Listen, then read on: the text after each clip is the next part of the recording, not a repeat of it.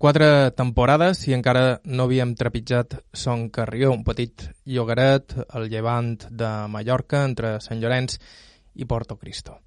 Allà a prop hi ha la Coma, un dels punts on varen desembarcar les tropes del general Bayo l'agost de 1936 per tractar de recuperar Mallorca de les mans del bàndol feixista. Antònia Mascaró, la nostra protagonista d'avui, encara no havia nascut, però la seva família directa i la seva família política li contaren històries sobre aquells dies. Dues històries que exemplifiquen la sort desigual d'alguns dels habitants d'aquella zona. Els meus sogres, per exemple, estaven a una casa, van fer una casa seus, seu pares o el quan se van casar, no, no ho sé, estaven en una casa a damunt dels molins. Tu saps, no saps on són els molins. És un puig, és un putxet que hi ha així anant, anant cap a Sant Cervera, d'aquesta carretera de Sant Cervera, de Sant Carrió a Sant Cervera, te diré, és un, un quilòmetre, hi ha una, una, una quemada, un camí, està asfaltat, que passa per, per un pont per davall la via verda. I se'n va per amunt i puja com damunt un putxet i aquí hi havia, i encara hi són, tres molins de fer, de, de vent, de fer farina, de fer farina, per que eren, perquè no eren d'aigua, treure aigua, eren de fer farina. I, i, i el padrí, eh, el, el meu sogre, estava a damunt d'aquest putxet, que té una vista aquesta casa espectacular, però perquè volen de la costa d'Espins a Cales de Mallorca. Saps? Tota la veïa queixa la volen preciosa. Tenia, estava molt bé aquesta casa de, de vistes. Avui en dia, vull dir jo. I, i, i a la guerra les hi, li van tomar. Eh? El van haver de fugir, de que van fugir antes, de, de, quan van un dia han arribat a Rogers a la coma, pues, els se'n van anar cap a Sant Llorenç, van deixar que seva. La meva sogra tenia tres al·lots, perquè hi havia en Andreu, una Marialida i el meu home nats, i, i amb aquests tres al·lots se'n van anar tots, cap a un, on tenien una germana per Sant Llorenç i, i se'n van anar cap a Sant Llorenç. Van deixar la casa. La casa en sos ports, perquè eren l'estiu i si feies tres o quatre ports per vendre i un per menjar, feies els ports, les galines, la visti de fer feina, tot. I quan van tornar, van trobar la casa arbutjada, ben arbutjada, però, i, i res. Que no hi havia res. I clar, van quedar ah, sense res. Perquè els molins ho van fer com, a, com, a, com un fortí, te diré jo. Els molins tenen forats i, i, i, i els soldats estaven per dins els molins i amb el fusil tiraven, o tiraven bombes o no jo què sé, en aquesta gent. I aquesta gent aquí. I quan els meus sogres van venir, en sos al·lots, hi havia mort per darrere les parets. Soldat mort per darrere les parets. I el meu sogre va fer clots i les va enterrar. Aquesta era la història dels seus sogres. I a casa meva padrina, a casa part de mon pare, estaven a la gruta. I la gruta és, ara hi ha un agroturisme, a, a la gruta, és un, era una finca també, i estaven els meus padrins. I estaven amb un parell de, de germans de, de, de, de mon pare, que, perquè mon pare era major, i estàvem a Sant Verge. Jo no era nada, estàvem mon pare i mon mare a Sant Verge i, i els estaven a la gruta i hi havia d'haver cinc fills fadrins. I una, la que venia darrere mon pare, estava malalta. I en aquell temps deien que, era tísic, que era un mal de, de pulmons, que se morien. Estava molt malalteta. I els Rogers varen entrar en aquesta zona, perquè van arribar fins de vora Sant Carrió. Si no arribaven a Sant Carrió, van arribar fins de vora. I ella van quedar dins la part del mort, però no se'n van anar de que seva. Eh? Quan els hi varen arribar, que varen veure el panorama, les varen dir que no se mollessin de que seva, que ell no les farien res. I, i a la padrina eh, li duien arròs, li duien... No li van prendre res, res, res en els padrins, els altres padrins. No les van prendre res, al contrari. Les duien menjar perquè no se'n podien anar enlloc a comprar res. I el metge dels rojos visitava la tia. El tia estava dins el llit. La visitava i li, li, li donava medicament i bé, van estar molt pocs dies, però estem que van estar. I mon pare de Sant Verge travessava la línia de cada un parell de dies travessava, o sigui, la va travessar dues, tres vegades, perquè de, de mitjan cop fins al 4 de setembre no va ser molt de temps a Però travessava la línia de soldat de d'una part i la línia de soldat de l'altra, i se n'anava a la gruta que seva, o o la germana, i, sa, i el seu pare, i els seus pares. Quan dia 4 varen cridar que s'havien d'anar a tocar per els barcos, a la padrina li van dir, m'han de una Catalina, perquè a Manó, a Maó la curarem.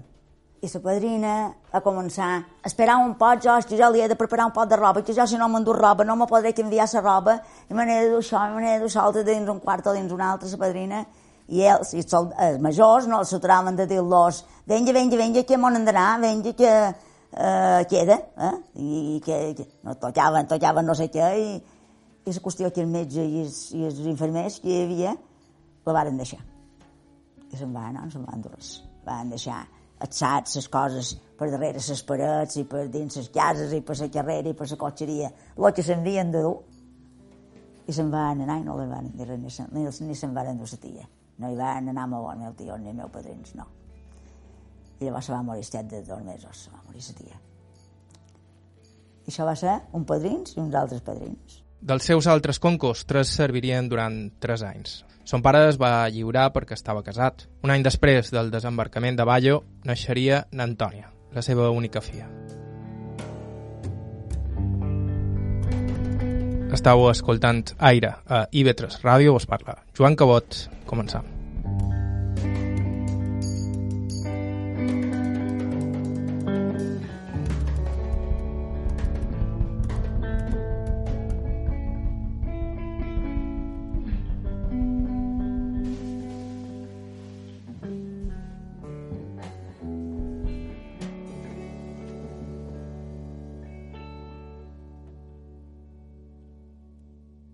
Diuen Antònia Mascheró Gomila i vaig néixer el 17 del mes 12 del 37 a una casa, perquè vaig néixer fora vila, a una casa entre Son Negre, saps on és Son Negre, i el poblet i l'Iglesieta, i Sant Carrió, o sigui, a un quilòmetre de Son Negre vaig néixer.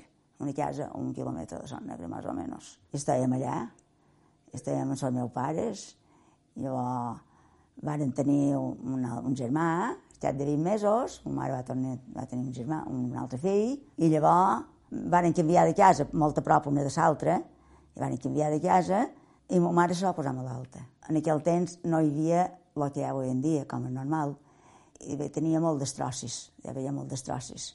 I clar, anava amb un metge de Manacor, que li deien en de l'ari, i donava unes indicionetes i res. I vaig acabar que, pues, que estava una cadira de rodes i vàrem venir a estar a Sant Carrió. Llavors jo tenia 10 anys quan vàrem venir a estar a Sant Carrió. El meu pare se dedicava a, conrar, a, sembrar i en aquell temps no hi havia quasi res més perquè el que eren obra no n'hi havia perquè la gent no feia hotels ni feia res, ni hi havia cotxe, ni hi havia moto, ni hi havia res, només hi havia carros. O sigui que per anar a Palma, que el meu padrí sembrava melons, i mon pare feia feina amb ell, en la sogra, direm, i, i se n'anaven a Palma amb la carro a vendre melons, quan jo era petita. Vull dir que això era la seva vida, quan estem de melons. Sembraven, tenien la terra un poc bona i sense reia ni res, se feien uns melons així de grossos. I anaven a Palma a vendre-los. Dormien allà i tornaven l'endemà. sí, i la meva vida pues, era... Anàvem, teníem una, una trutja tenia porcellet, anàvem a guardar esports, el meu germà, i el meu germà tenia sis anys o, o cinc, i, i jo set o vuit, i anàvem a guardar esports per dins unes finques que hi havia prop de casa nostra. I en aquell temps, clar, era l'any, això era l'any 40, l'any 40 no me'n recordo, però de l'any 45, per exemple, em feien entrellar, perquè havia passat la guerra, i feien entrellar tot el que la meitat de, de, de lo que coies i, i no, podies, no, no hi havia molins, no hi havia per, per fer farina, no n'hi havia. I mon, jo me'n recordo que mon pare i un amic seu varen fer un molí, per allà, antes de venir a Sant Carrió, això, això era antes de venir a Sant Carrió. Varen fer un molí dins una boal, dins una puesto d'un anim, de, de l'animal, de, de, que tenien la mula, el, el mul, van fer un molí ells amb unes moles, no sé de què, i els dos en revoltaven i molien la farina que llavors havien de fer pa. Perquè, I si els haguessin trobat els haguessin prestos. Això era d'estrapel·lo o de, o, o de mallat, no sé què t'he de dir.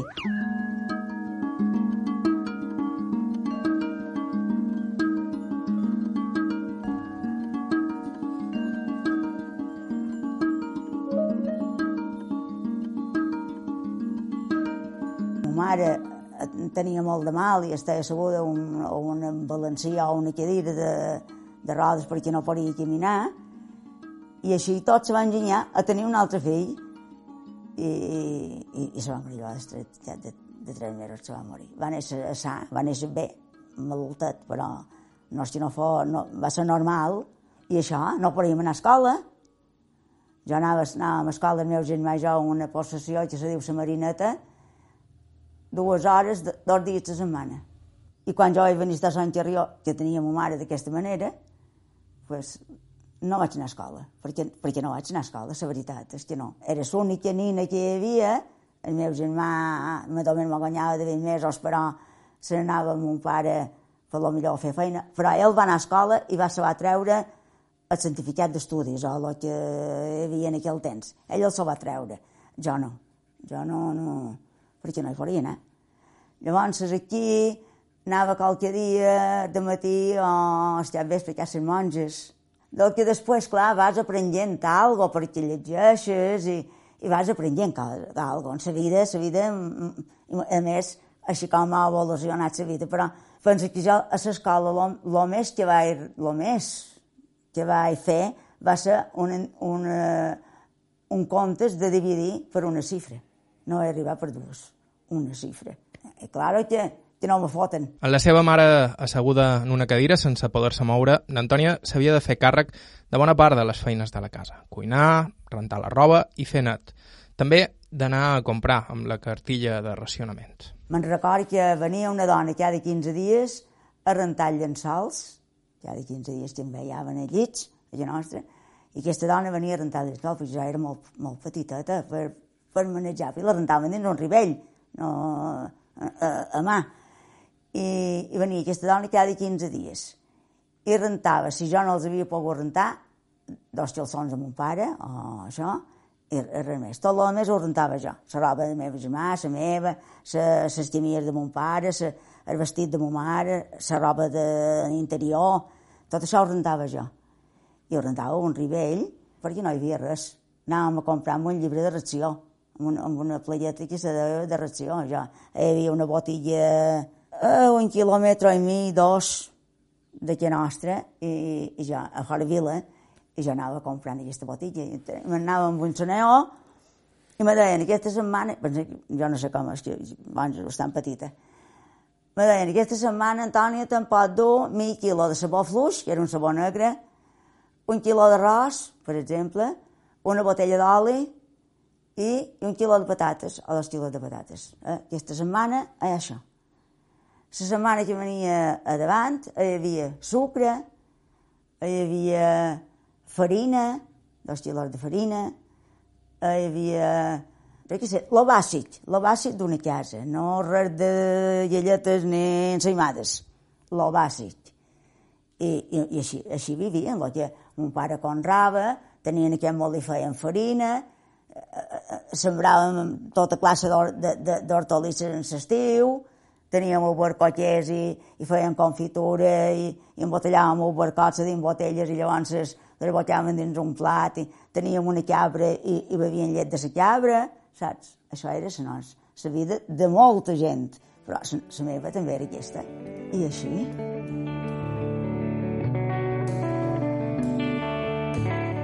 Escoltàvem Antònia Mascaró Gomila, nascuda el 1937 a Son Carrió, estàu escoltant Aire a Ivetra Ràdio. Fem una breu pausa i en uns segons continuam amb la seva història.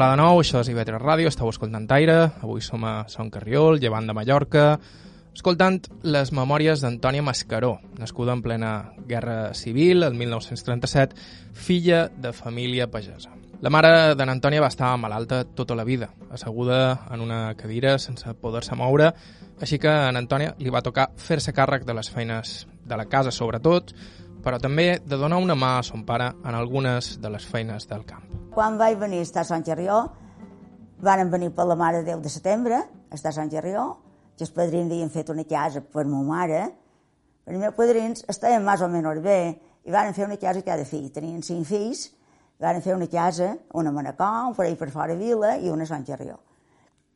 I van fer la de Sant Gerrió per ma mare. I van venir a Sant Gerrió i jo. Van venir per la Mare de setembre i, eh, i el dia 17 de desembre jo feia 10 anys. Sí, era petita, claro, era petita. Me recordo molt bé que ma mare seia dins, o que aquesta cosa m'ha quedat molt. Uh, ma mare seia dins un balancí, dins les cases, i ja era dins la cuina i feien foc. Uh, en el fogó, no tenien res de... I, i mon pare havia d'anar a cercar llenya no sé on, però no en havia duita, i teníem molt poca llenya. I, i ma mare me va dir, Antoni, hauries d'anar per, per, per davant les cases o si trobes un pot de llenya amb una senaia i que hem de fer dinar. Bé, em vaig anar i, i teníem una mata, eh, una mata que jo fèiem a jugadors de ball, una mata molt grossa.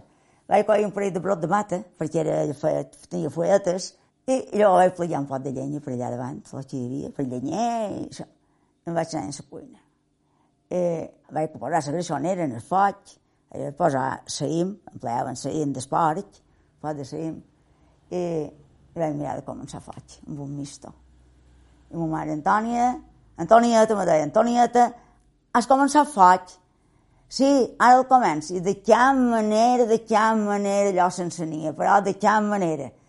Degués emplear, jo què sé, un, un quart d'hora o més, fins que vaig pensar que si me n'anava a cercar paia en el sostre, pues amb un pot de paia, a lo millor s'encendria. I vaig anar a cercar paia, i en la paia vaig encendre foc. Però ma mare ja se pensava que tenia el sofre fet. No dinarem, no dinarem, no tindràs a dinar cuit. Bé, sí, però has fet foc? Sí, ara en faig. I jo deia, no em faré mai, no me sortirà mai fer foc. I fi vaig fer foc. L'Antònia recorda els seus pares com dues persones de bon caràcter, que mai renyaven. La seva mare, especialment, malgrat estar impedida, era una dona abnegada. Sí, molt bon gerat, molt bon gerat. No se va queixar mai, només quan li feia molt de mal, per exemple, eh, la, seien, la colgaven dins el llit. Ai, perquè és que no hi havia calmants, és que no hi havia res, hi havia aspirines, res. No, no, no, no. Lo darrer sí que ja van anar un traumatòleg, a darrers anys, un traumatòleg en esport de Pollença. Anàvem però ja no hi havia res a fer. No hi havia un, un, un protecció d'estomaco. Ella es, va arribar a ser membres del cos, els ranyons, el fetge, l'estomago, tot. Estava, quan se va morir estaven a punt de fer-li diàlisis. Però al punt. No li feren perquè estava, menjava tan poquet i estava tant a règim mon pare, no, jo no me recordo si m'hagi pegat tot mai, pegaven en aquell temps. No, no, no, no, no, no, no, no, no, no. No, mon pare no. Mon pare, si jo feia una cosa al meu germà, o que m'orbaràssim, o que... Què sé jo, no, no, no. Eh, ho deia ma mare. Els al·lots se baraien, els al·lots... Eh, no, a nosaltres no me deia res. Jo no recordo que mon pare mai, mai, mai, mai, mai, mai. Ma mare m'arrenyava qualque pot i llavors se posava a plorar perquè si m'arrenyava, ella veia que jo no era per fer el que havia de fer. I, i perquè tenia un germà més, era, només m'organyaven de 20 mesos, però era un poc més petit que jo, saps? Mon pare, per lo millor, els que sembrava, els dies que sembrava per dins el lloquet, que estàvem un lloquet que, eren de les tres quarterades, a lo millor dia que, que, que sembrava per allà, eh, em deia, Antònia, podries venir, Antònia, te podries venir a donar una estona? I jo amb una, amb una seneta petita me n'anava a donar i mon pare, jo me'n recordo mon pare s'aturava en sa, en serada perquè jo feia més poc que havia i ell arribava en el cap i jo encara només era fin, ja en puesto. Quan van venir a estar aquí, van, els padrins van venir a estar nosaltres. Els padrins ja eren, ja eren, tenien 60 anys o tenien, i ells van fer aquesta casa i van dir, bueno, ja m'estan a Magdalena, aquí moment de Magdalena era ma mare, i almenys li podrem ajudar. I, i van venir a estar a el padrin ja s'anava per fora vila, i la padrina ja no. I clar, ella quedava, ma mare quedava amb la padrina, i la padrina feia el dinar dies sí i dies el feia jo, però moltes vegades el feia la padrina. I mon pare, llavors ja el padrí va havia tornat un poc, estava a Sant Carrió ja no anava tant per fora de vila, havia, havia, havia partit les coses en els fills, i mon pare havien d'anar a sembrar a l'Antònia. Havien d'anar a, a sellar. Tenien, teníem una màquina, una màquina de sellar d'aquelles que anaven en la vista, jo no sé si tu n'has vist aquest mai, però que som anava damunt la màquina i, i, i feien les llavelles damunt una sola de, de, de, de, en costat de la màquina, les tiraven darrere. I l'Antònia i la padrina qualque vegada, ma mare no, perquè ma mare no estava, però la padrina venia qualque vegada, eh, ajuda'm-me. L'Antònia i, i el nen també, el nen anava més a escola, eh, perquè no havia acabat encara a espigolar, una cosa que se deia que mos, posa, eh, que mos posaven les llavelles, duem unes, unes mànigues o la mà tapada així i, i plegaven les espilles.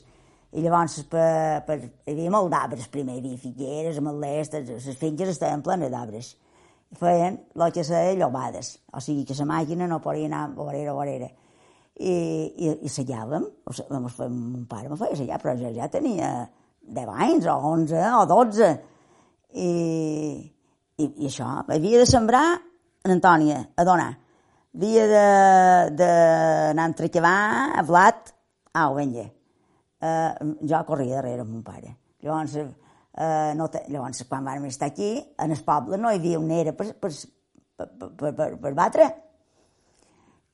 I vam fer una era, una finca que teníem uh, aquí de Sants Puig de Sant Manxo. Tu saps que hi ha un puig aquí, l'has vist, en la vora del poble. Bé, allà de Sants Puig teníem una finca i, i mon pare va fer cera. I duia, duia les llarbes allà i, i el de matí, eh, de matí m'on anàvem ell i jo, les tenia i, i feia una rodada de, de, de, de, en la mula, en sa, sí, teníem una mula en la mula. I llavors me deia, ara te'n vas a Sant Carrió i, i, i, i llavors a migdia me dus a dinar. I jo me'n recordo que per aquí per damunt el pull petit, hi ha un pull petit i un de gros, per damunt el pull petit per un caminet, me n'anava a Sant Ovell, que deien Sant Ovell, a, a dur dinar amb mon pare.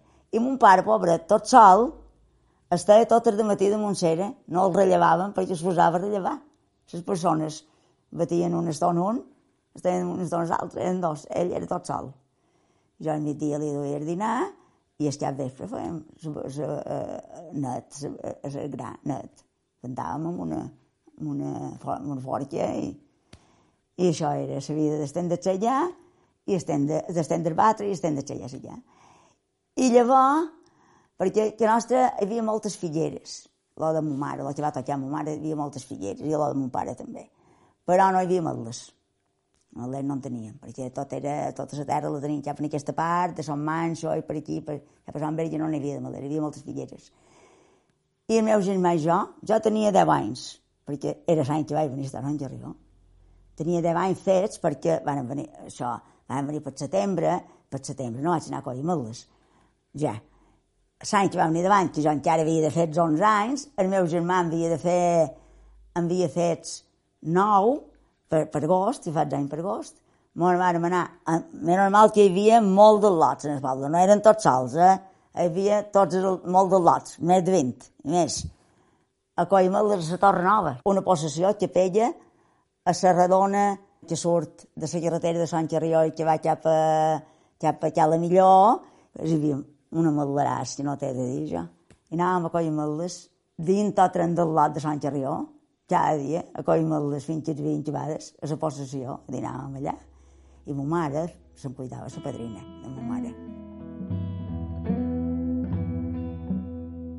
Anàvem a Coimeldes, Teníem una dona que tot el temps estava dreta. Tu ja saps que els al·lots tot ho troben mal fet a lo dels grans, eh? no poden consentir. Els grans eh, pareix que no fan res i tu... No hi havia teles en aquell temps, aquestes teles que ara, que ara ja no n'hi ha, però que hi ha hagudes en aquest món, no n'hi havia, llavors. Llavors les plegaven totes en els dits. I feien una filera de lots, de Valls Matler, un de l'altre, i una dona de Son Cervera, que li deien la Colomana, amb, un, amb, una, amb, una, amb una bastó així de llarg i una llandera, un, una, una corda d'això de, de, de, de la baldufa i jugar primer una llandera, com d'aquí en aquell portal.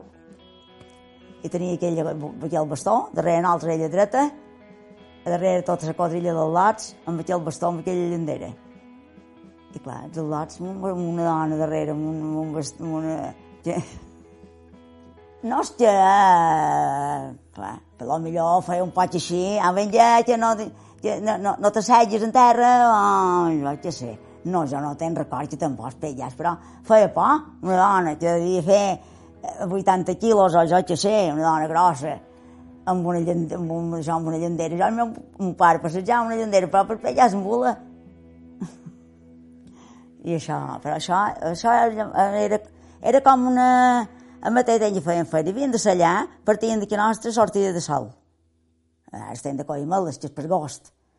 I tornàvem, quan el sol se ponia molt mollaven, eh? I què passava en Rió? A peu. Aníem a peu. Va ser d'haver aquells anys que en Antonio va conèixer qui seria el seu home, precisament Tomàs Meles. També va ser llavors que va néixer encara un altre germà més, tan inesperat que la seva mare estava convençuda que moriria en el part. Diré jo, ma mare va tenir un altre infant, que ara, que ara és un al·lot preciós, que que té 68 anys. El tercer és que va morir i després, quan jo tenia 12 anys, quan jo tenia 13 anys, va néixer ell. Jo tenia 13 anys quan ell va néixer. Uh, va néixer a Sant Gerrió, seva, Sant Gerrió. Ella se pensava que se moriria, m'ho va dir. Jo no podré tenir el nin o la nina, perquè llavors sabia que havia de néixer. I jo me moriré perquè, quan que estava...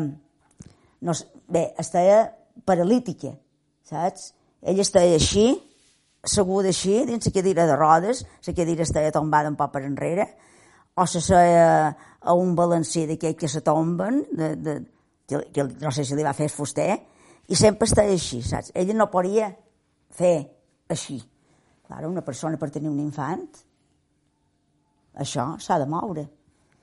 I ella me deia, jo no, jo tenia 13 anys ja, i m'ho va explicar, i m'ho va dir, i que va dir, si, si jo m'he mort, pues, tu te quedes eh, en sa padrina aquí i, i bueno, jo abans és usat, ja Déu meu, però bueno, què has de fer? Si queden embarassats, queden embarassats. I el dia que va néixer, a ma mare me va dir, me por de part, o he tingut, sí, ha tirat les aigües o no sé què m'ha dit.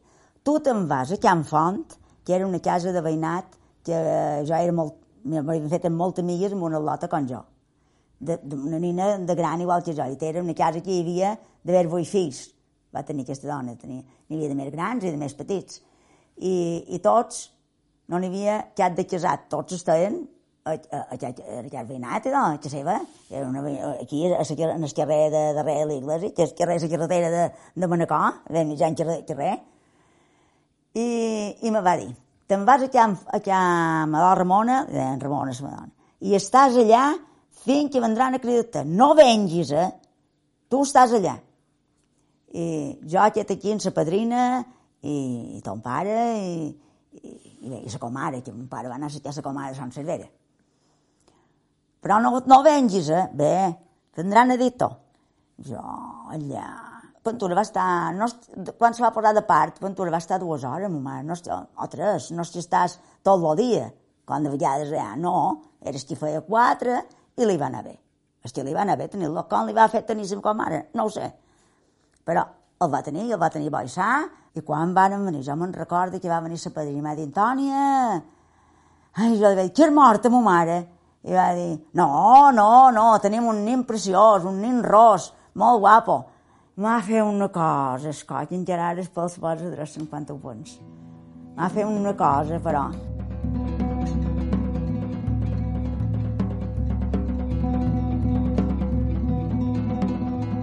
com una pepa, el vaig posar jo.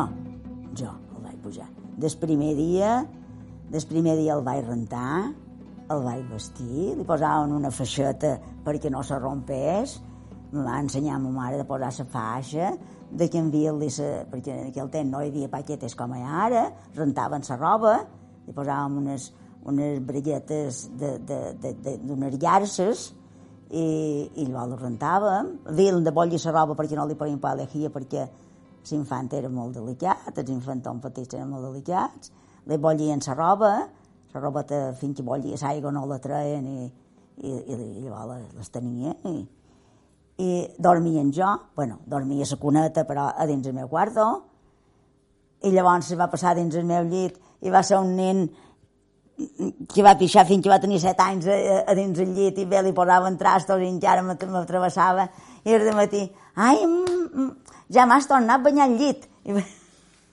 un cuento un cuento. El vaig pujar jo i, i, i l'he estimat molt i l'estim. I té 60, 68 anys té ara. Però me dava molta de feina perquè el havia de cuidar ell, eh, llavors havien, cada dia havien de rentar, jo me'n recorda que no, no m'anava bé rentant les dues mans damunt la posta, dins el ribell.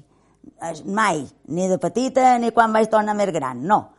Sempre havia de rentar amb aquesta mà així havia de contar la roba i havia de rentar així. Eh?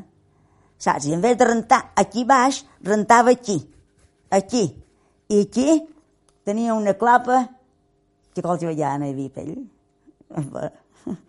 I quan me feia molt de mal aquí, em rentava aquí baix, però no, no anava a compte i tornava a rentar damunt la mà. I això era la vida, i aquí era. I teníeu divertiments, però també. Quan estàvem a Sant Berge, jo tenia dos veïna, dues cases molt veïnades nostres. A una casa hi havia dues, tres nines i un nen, que era de l'edat del meu germà, i a l'altra casa hi havia dues nines, també de la nostra edat, i un nen beneit, que era més gran que les nines. Ben beneit, ben beneit, ben beneit, petitó. I, I llavors, una altra casa també de molt a prop, hi havia dues lotes que eren un poquet més grans que nosaltres, jo, jo tenia 8 anys o 9 anys o 7, i elles en tenien 11 o 12, i venien a cercar-nos i mos duien, mos anàvem a missa a Son Negre, els diumenges, anàvem a missa a Son Negre. I perquè ma mare no hi podia anar, doncs anàvem a missa a Son Negre. I, llavors venien tots, i els al·lots sempre estan contents. Eh? Llavors, ma mare me deia, eh, els diumenges, o, o sigui, diferent no, els diumenges me deia, bona, i diu, mon pare, perquè nostre, perquè no feia feina. Antònia, bona podem anar a jugar una estona allà en prim. I m'ho anàvem a jugar aquestes, aquestes amigues i aquests amics, m'ho juntaven tots, i, i no te creguis, eh? Els darrers dies, per exemple, feien balls i feien ximbomba, i m'on anàvem, mon pare mos acompanyava, ma mare quedava, però mon pare, que érem lotets, mos acompanyava o, o m'on anàvem en els veïnats, a, a Sant Crespí, la possessió de Sant Crespí, que sempre hi havia festada, deixin bombes i ballaven, i, i els érem així. Però veïnats, que els, pares eren joves, i mos hi duien, i nosaltres disfrutàvem de la vida, sí. I qualque, quan ma mare encara estava bo, bona, jo me'n recordo que a nostra una vegada van fer un ball per el, el darrer dia, el dijous dia, no era el dia de les era un dia de festa d'això hi havia bombes i ball. I va venir el meu tio Tomàs, que era de la bulla que feia oi, i va dur una òliva. O una òliva o un... O, bé, un d'aquests animals d'encenit, amb una cara redona, així. I el va posar a les portes de darrere, estàvem una casa ben gran, tenia aigua verda davant, aigua verda darrere, era una, era una finca que no era nostra, estava, mon pare estava, que havia... I, i, i la porta de darrere tenia un ferro d'aquell que tenien primer, les cases de fora vila i les del poble també. Un ferro d'aquells així, que aguantaven la primera porta. I el va posar damunt la porta. I jo tenia una por, però jo no em havia vist mai. I me va fer, en vez de fer-me gràcia aquell animal, una porada, però. I allà cantaven cançons en la bomba i ballaven i... Ai, Déu meu, jo me recordo d'això, vaig quedar, vaig quedar dins d'aquesta i el veïnat de davant, que era molt xistós, me va donar una pepa. I, i jo tenia sis anys, jo, jo, jo me recordo això, eh? Sis anys, cinc, sis, uh, me va una pepa, amb uns cabells, una cara pintada i, i una, una, una pepa drets així de grossa, amb un vestit, ja, un vestit llarg, un vestit així, i la mà dona, a la pepa, me dona la pepa. Ja era Antònia, t'he fet una pepa, li deien en Salvador, en Salvador de Jani Chapirrona li deia jo, però bueno, era l'amo de l'amo no, el fill de la botilla, de la botilla que no anava a comprar. I, i era, ell tenia 18 anys, més o menys, jo en tenia 6 o 15, i m'ha dit, aquesta pepa ja tot la la pepa. Quan m'ho va tenir damunt, m'ha dit, seu, seu, te dono la pepa. M'ha dit, seure, me dona la pepa. Jo, jo te la podia aguantar. Quan la va tenir, li va posar la mà davall el vestit i li va mullar, eh, li va llevar el tap. Me va compixar tota. Vaig tirar la pepa perquè... és un fet, això també, eh? Va ser una, una gerra, que és una gerra de test. Una gerra de test en so coll, en el coll li havia fet el xap, li havia pintat i li havia posat un xaveix o un motxo del pastià, no me'n recordo que duia, xaveix duia, de llana, de, de boia. I, i clar, havia foradat la gerra, gerra de ball ja va riure, t'assegut, perquè era la més asa del món, ja conegut. I no podien fer festa. En aquell temps no podies, no podies fer carnaval. En feien, perquè sonaven la gimbomba, se disfressaven, els que se disfressaven tapats, i anaven a aquells veïnats, i voleu freses, això era el que feien. Anaven a tirar tets, i faven una taula o un plat que s'havia romput tot això, i anaven a aquell veïnat, tets, tiraven tets a mi de casa, i llavors entraven i feien una estona, volaven una estona, això era la vida. Hi havia moltes de festes a Sant Carrió, perquè les festes de l'Iglesi eren festes del poble. I n'hi havia moltes de festes de l'Iglesi.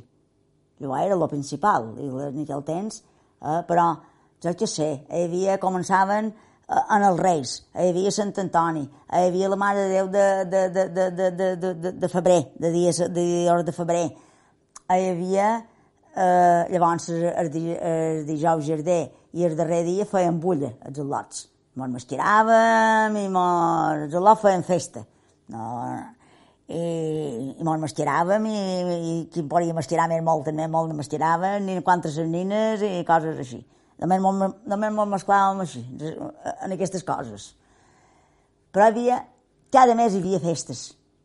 I la gent, pues, la gent no se feia molta de roba, a Sant, a Sant Jeroi hi havia dues tendes de roba, i se compraven la roba a les tendes de roba. Hi havia dues cosidores o tres, se feien els vestits en el poble, i els, i, els, i els trajes, i els, i els calçons.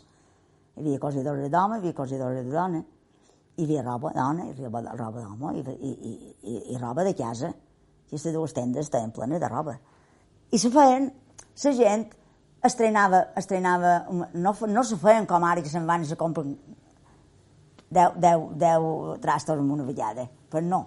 En aquell temps treien les lotes, les nines, treien un, un vestit nou a, a, a, el dia de Pasco, un altre per les festes del poble, un altre, te diré jo, o duien el mateix pel Corpus, eren unes altres festes molt, molt importants, feien una processó, donaven tot el poble, i, i la gent, pues, era festa grossa eh, llavors per a tots sants se feien un, allò hi havia primavera, ver, ver, invierno, primavera, verano, otoño, invierno. Hi havia quatre estacions i es feien la roba de quatre estacions, ho entens?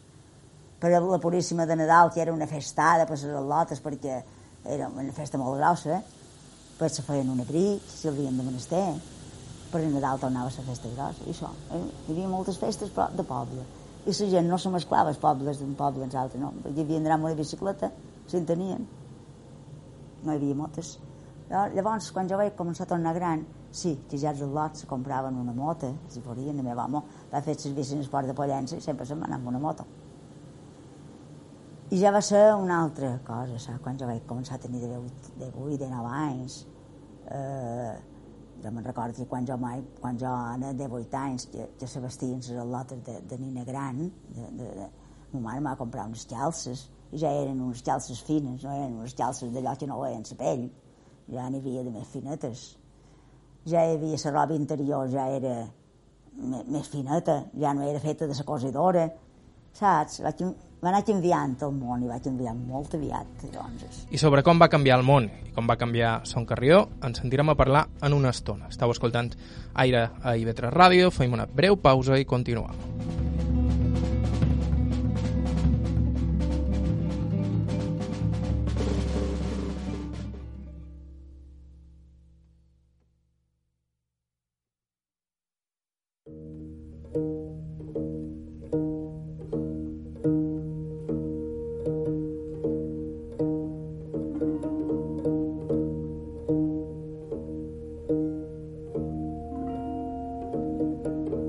Hola de nou, això és Aire a IB3 Ràdio. Abans de continuar, un breu comentari. Amb aquest programa arrencam una nova temporada del programa, la nostra quarta temporada, i sempre estem cercant testimonis interessants. Si heu seguit un poc aire, vos podeu fer una idea de quina mena de gent cercam. Gent major, que ens pugui parlar de com eren les coses un temps, o que hagi viscut fets insòlids, o directament gent amb històries de vida interessants en general. Si teniu algun suggeriment o proposta, ens podeu escriure a aire.ivetresradio.com o bé ens podeu deixar un missatge al 971 13 99 31. 971 13 99 31. A la nostra protagonista d'avui, Antònia Mascaró, l'havíem deixada precisament a les portes de la gran transformació que va suposar l'àlbum turístic per a ella i per a tots els habitants de les illes.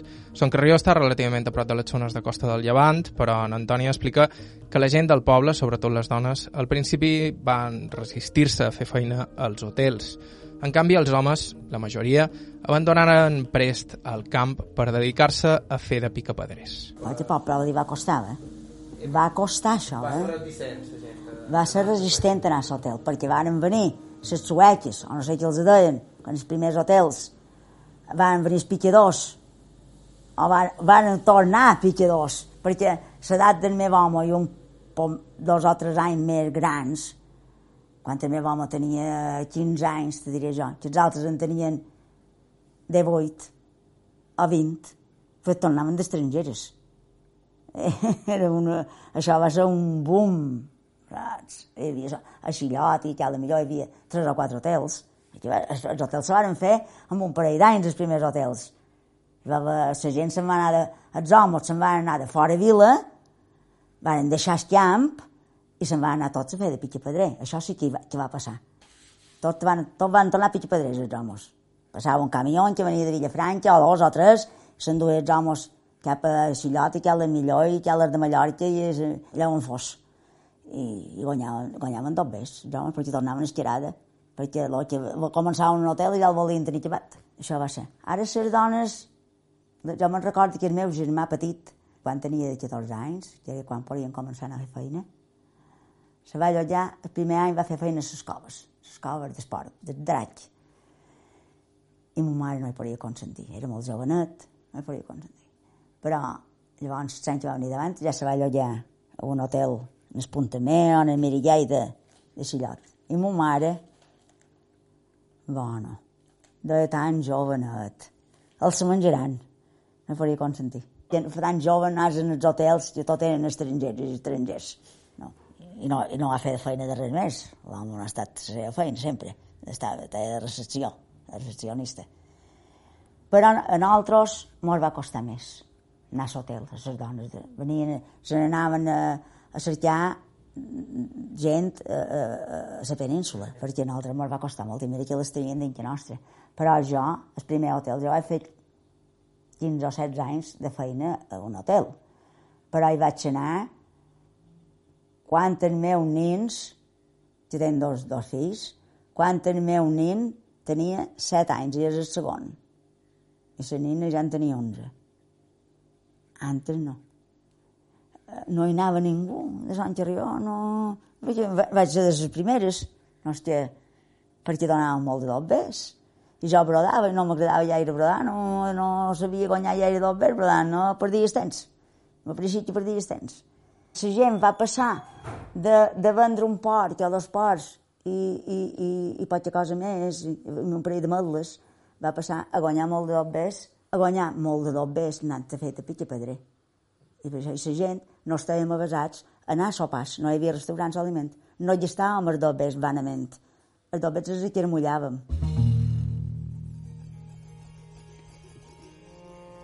La família d'en Antònia, com ella mateixa, és un bon exemple d'aquesta tendència. El seu home també va abandonar la Fora Vila per la construcció quan va néixer el seu primer fill, una nina. Va fer de, de Fora Viler fins a l'any 64. I quan va néixer la nina va dir jo me'n vaig a fer de Pedrer, perquè tots se'n van de Pedrers i jo me'n vaig de Pedrer.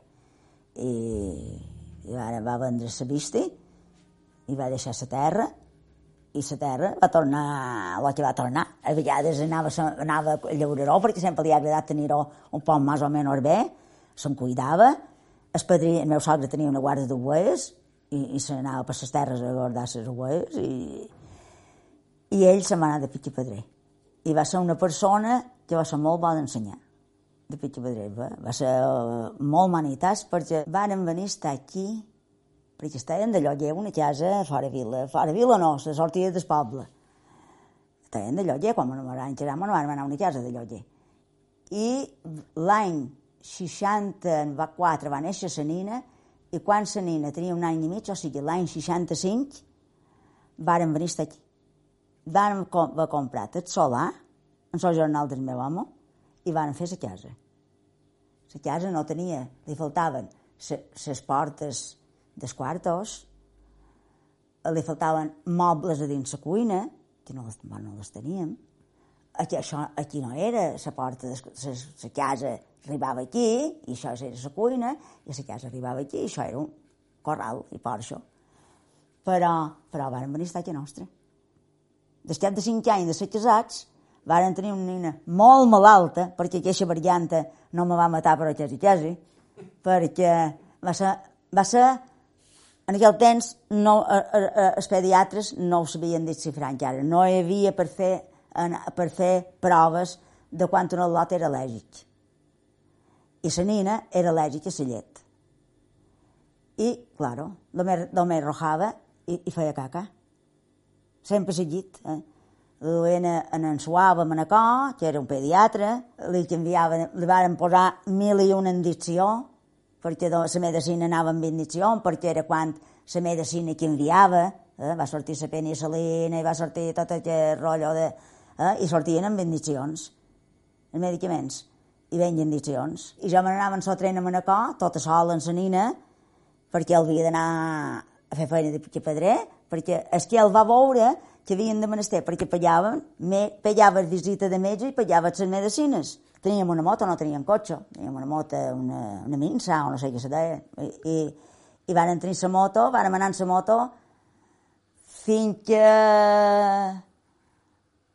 fins que el nen, que se guanyen de 4 anys, va tenir de més 4 anys o això, saps? Tenia, i anàvem amb moto, i anàvem per tot en la moto, eh? però per tot, tot quatre. El nen coltava, eh, la nina coltava davant son pare, damunt del depòsit de la gasolina, i, i, jo, i, el, i el mit, jo i son pare, el nen el, el tenia jo, petit i més gran, i jo va tenir 3-4 anys, van comprar cotxe. Avui en dia els durien a tots a la presó. No, els durien a la presó.